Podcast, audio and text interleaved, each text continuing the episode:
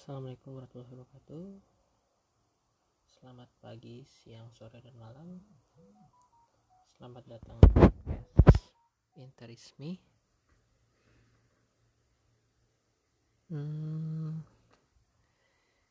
Podcast ini kurang lebih akan membicarakan tentang Opini-opini gue tentang Inter Milan Dan berita-berita terkini yang gue dapat dari lini masa Twitter ataupun uh, website-website yang berisikan tentang berita Inter Milan. Hmm, mungkin untuk yang pertama-tama gue uh, akan menceritakan sedikit tentang bagaimana gue bisa menyukai Inter Milan. Uh, gue ini adalah pria yang lahir di tahun 90-an tepatnya tahun 95 gue menyukai Inter uh, pertama-tama gue tahu Inter itu dari game Winning Eleven PS1 ya. Winning Eleven 2002 nah itu pemainnya masih ada Toldo, Ivan Cordoba, Cannavaro, Coco, Xavier Zanetti, Christian Zanetti, Luigi Di Biagio, Recoba, dan Mats Crespo dan sebenarnya gue nggak tahu kenapa bisa suka dengan Inter gue pikir sih karena awalnya sih karena gue suka warna biru jadi gue lihat saat memilih tim di Eleven itu kan ada banyak pilihan ya. Salah satunya ada bendera warna biru hitam. Nah gue langsung suka dengan tim itu. Nah, gue pilihlah Inter. Nah nggak lama dari itu sekitar umur gua 8 tahun atau di tahun 2003 gitu eh, biasanya di daerah rumah gua ada acara 17-an ngadain pertandingan bola. Dan kebetulan tim gue menang R, antar RT gitu antar RT gue menang. Dan seperti memang kayaknya uh, udah takdir atau gue dipilih Inter ini. Jadi hadiah dari pertandingan itu 17-an itu adalah uh, satu set alat tulis ya buku standar buku tulis pensil penggaris dan lain-lain. Dan satu orang dapat satu jersey. Satu tim tuh ada 8 atau 7 orang. Nah semuanya dapat masing-masing jersey. Jerseynya random macam. Dan gue dapat baju jersey away Inter kayaknya tahun 2002 2003 atau 2003 2004 ya. Itu yang jersey away putih yang ada garis hitam biru menyilang gitu. Nah itu kan sama ya 2002 2003 itu sama bajunya. Nah bernama punggung kan Rekoba. Dan kebetulan gue suka banget emang sama Rekoba itu. Karena di PS itu jago banget. Kaki kirinya kenceng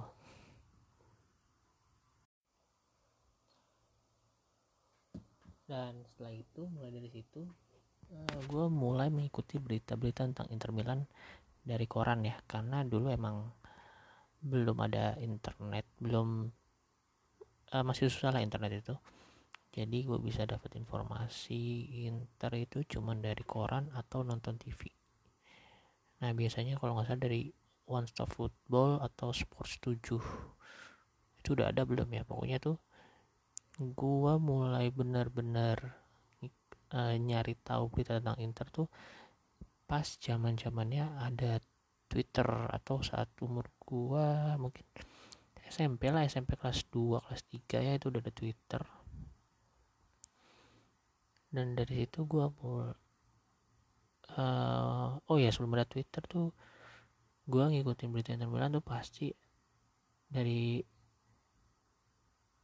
uh, running text yang biasanya ada di entah itu Metro TV atau Antv atau Trans 7 TV 7 ya dulu atau uh, berita-berita uh, hasil pertandingan uh, liga-liga top Eropa.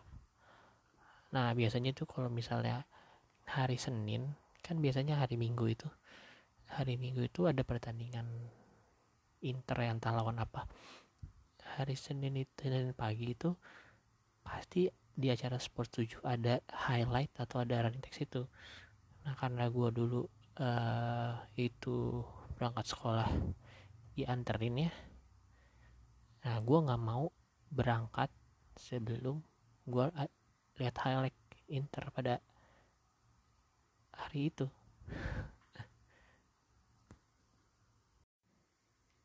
Nah begitu zaman zaman Twitter booming ya gitu. Udah punya PBB kayaknya zaman Twitter tuh HPBB ya ya kelas 3 SMP atau satu SMA lah kayaknya tuh.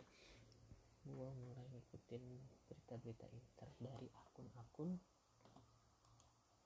Akun fanbase Inter nih ke oh yang paling gue inget itu ada Inter WhatsApp.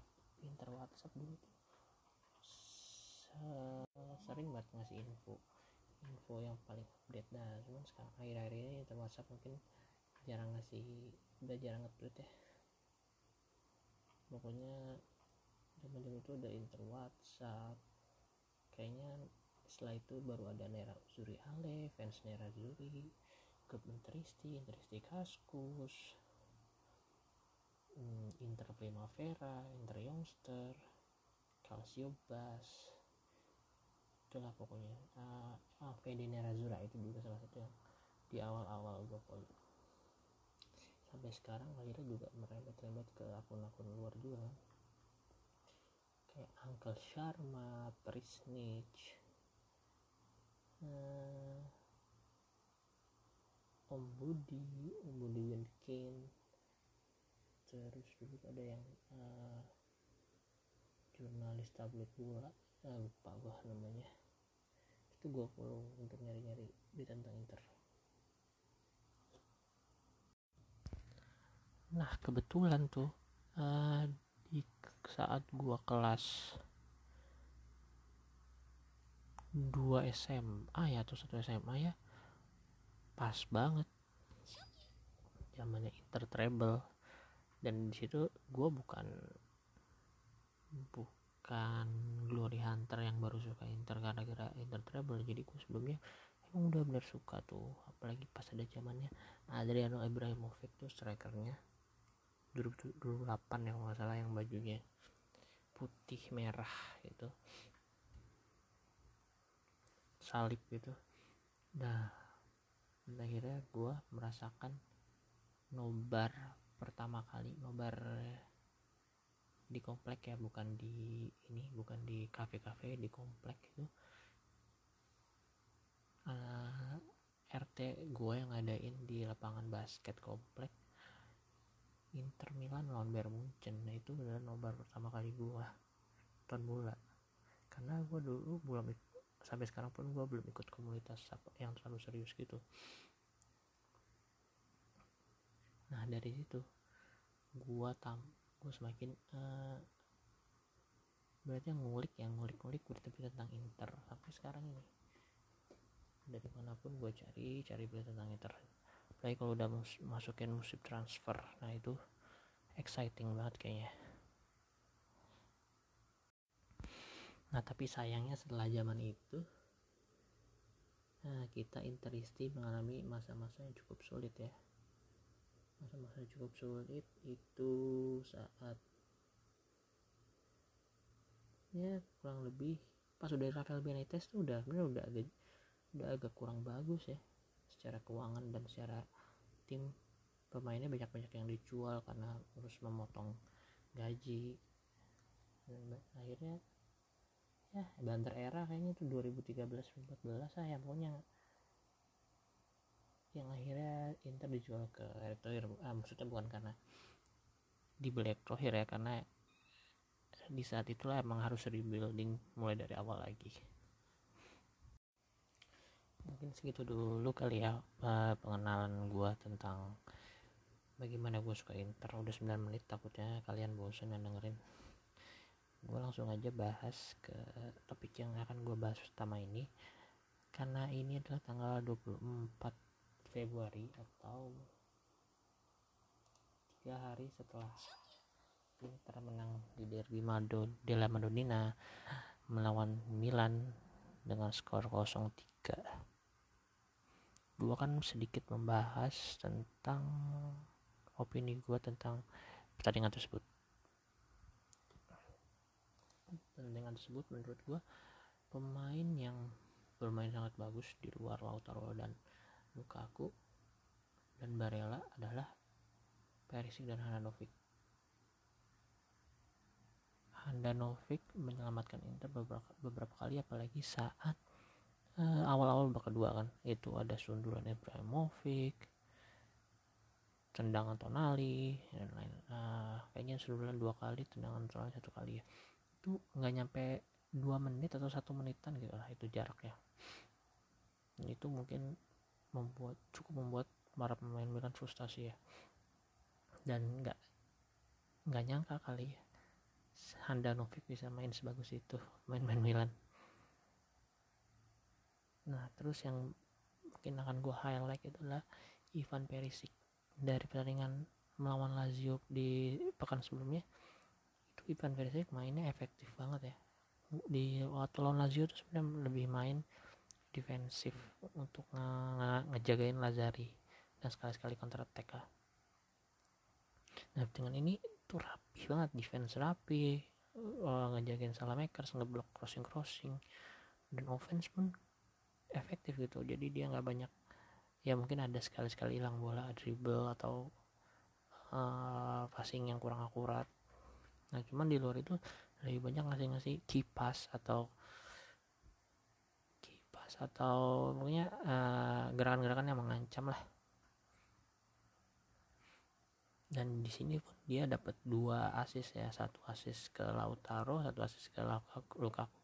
Ya mungkin yang ke Lukaku itu debatable ya untuk dibilang asis karena itu jaraknya masih jauh dari gawang dan Lukaku harus uh, dribble hampir seperempat lapangan.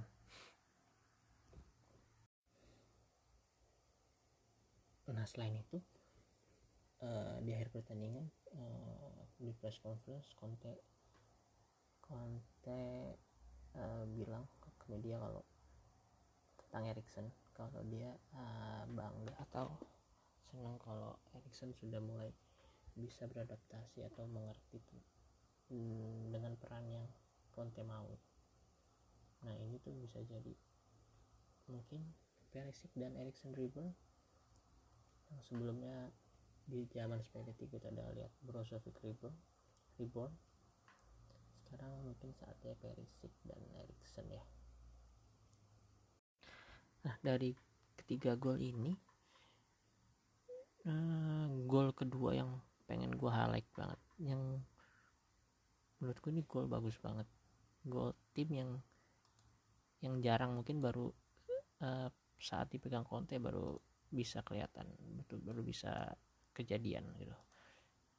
Jadi di uh, ini tuh di menit ke 56 berawal dari uh, goal kick dari Handanovic pendek pendek ke The Fridge, The Fridge ke Skriniar, Skriniar ke Barella, Barella long pass ke Lukaku yang dengan penjagaan Romagnoli kayaknya di situ. Terus Hakimi katin dia dribble sekali agak kesandung terus ngoper ke Erikson, Erikson ngasih ke Perisic. Perisic kasih katin ke Lautaro dan jadi gol. Kalau kalian sadar ya ini semua uh, di sini ada 9 pemain yang terlibat yaitu Handanovic, The Fridge, Skriniar, Barella, Lukaku, Hakimi, Erikson, Perisic, Lautaro. Cuman Brozovic dan Bastoni doang yang gak megang bola di posisi itu. Itu juga uh, salah satu konten masterclass sih ya. Mungkin karena gue jarang ngeliat aja kali ya di Inter Milan jadi itu buat gue gol yang sangat bagus ya. Mungkin gol terbaik sepanjang musim ini dari Inter. Dan gol yang ya jarang-jarang gue ngeliat gol kayak gini uh, yang terkas yang gue ingat itu yang berkesan gol oper gini itu golnya King Jonathan saat melawan Roma di Coppa Italia tahun tahun 2013 nah itu tuh masih menit-menit 20-an Jonathan dribble ke Ricky Alvarez Ricky Alvarez uh, ke Jonathan dibalikin terus Jonathan ke Roci Roci backhill lagi dan Jonathan langsung nendang ke sudut kanan bawah kiper Roma. Itu salah satu yang memorable juga sih kali itu cuma sayangnya itu. Kalah 2-3 ujung-ujungnya nah semoga aja Erikson bisa tetap konsisten atau lebih berkembang lagi karena gue agak sedikit ragu dengan Sensi. Yang sampai ke Giornata 23 ini masih anginan terus ya. Bukan karena mainnya tapi karena kondisi fisiknya. Gue takutnya dia kayak Giuseppe Rossi main bagus tapi ringkih jadi karirnya mandek cuman semoga lah di sisa 15 pertandingan lagi Sensi seenggaknya bisa main di 10 pertandingan itu entah sebagai starter atau pemain pengganti untuk uh, rolling atau memecah kebuntuan saat tim agak susah cari gol. Nah karena strategi kontes sekarang itu itu manjur banget kalau lawan musuh yang ofensif atau musuh musuh-musuh tim besar yang ngotot emang pengen incer gol dari Inter. Jadi kontes sekarang eh, lebih ngandelin ke ke fast break atau serangan counter attack ya. Karena punya pemain-pemain cepet ya kayak Lukaku, Hakimi, Perisic itu masih terbilang cepet. Pemain-pemain yang lari cepat apalagi Hakimi. Mungkin uh, nomor 2 paling cepat kan setelah Mbappe nah kebalikannya nih kalau terlawan tim-tim yang gak ngincer menang yang puas dapat hasil imbang Inter sejauh ini masih kesulitan ya menurut gua. Karena kalau menandalkan kecepatan defensive line mereka tuh cukup rendah jadi nggak nggak gampang ditembus oleh terupas-terupas ke Hakimi atau ke wing-wing lain menurutku sih emang butuh pemain. Kalau lawan tim-tim bertahan gitu butuh pemain-pemain yang punya sejarak jauh bagus kayak Erikson atau dulu harusnya sih Raja Nenggolan atau pemain-pemain yang bisa dribble take on satu lawan satu kayak Sensi atau Alexis Sanchez. Persik sih harusnya juga bisa ya. Nah di Giornata selanjutnya nih Giornata kedua empat lawan Genoa uh, jam 9 malam lagi. Inter main di kandang. Ujian pertamanya Conte ini setelah beberapa hasil memuaskan dengan strategi counter attack-nya lawan Lazio dan AC Milan. Apalagi eh, Hakimi kena akumulasi kartu jadi nggak bisa main. Agak sedikit pincang berarti sayapnya Inter. Kemungkinan akan yang main akan Darmian ya atau D'Ambrosio cuman gue lebih setuju Darmian karena kalau D'Ambrosio lebih cocok main di posisi Skriniar jadi backupnya Skriniar gue harap sih uh, Conte mengistirahkan Brozovic jadi Erikson main jadi regista di posisi Brozovic. Nah, dua gelandang lainnya Barella sama Vidal kayaknya Vidal udah sembuh atau babak kedua bolehlah masukin Sensi untuk gantiin Vidal atau Barella yang kemarin eh, pahanya kram. Semoga aman-aman aja. Dan kalau misalnya masih agak masih buntu tuh babak kedua belum masih imbang coba masukin D'Ambrosio gantiin Skriniar karena D'Ambrosio lebih bisa lebih ofensif. Dan kadang-kadang bisa muncul di mana-mana kalau ada crossing atau sepak pojok nah hal kayak gitu tuh kayaknya bisa jadi salah satu plan B nya Conte ya. Oh iya satu lagi satu nama yang gue pengen lihat dia cepat balik ke lapangan. Menurutku tuh Vecino. Vecino itu menurut gue gelandang box to box ya. Dia main dia kayaknya jadi box to box saat di Fiorentina. Dia bisa dribble lewatin beberapa lawan dan posturnya juga bagus. Dan tendangannya juga bagus gue inget banget dia pernah golin lawan Inter waktu dia di Fiorentina. Kalau nggak salah tahun 2015-2016 ya. Vecino golin dua ke gawang Inter nah, dan hasil akhirnya kalau nggak salah 5 untuk Fiorentina. Bakar 3 atau 2 gol gitu dua gol satu story. Icardi yang hat trick nah. Dari situ tuh gue udah udah mulai suka sama Vecino dan akhirnya bisa Inter juga. Cuman ya, ya seperti biasa pemainnya bagus lawan Inter. Belum tentu bagus saat main di Inter. Cuman untuk sekarang harusnya Vecino tuh bisa jadi backup yang bagus apalagi tengahnya. Udah ada Brozovic dan Barella ya. Vecino cocok di backup Barella sama-sama tipe Mezala atau juga bisa jadi box box player. Mungkin segitu aja udah hampir 22 menit nih. Semoga ada yang mau dengerin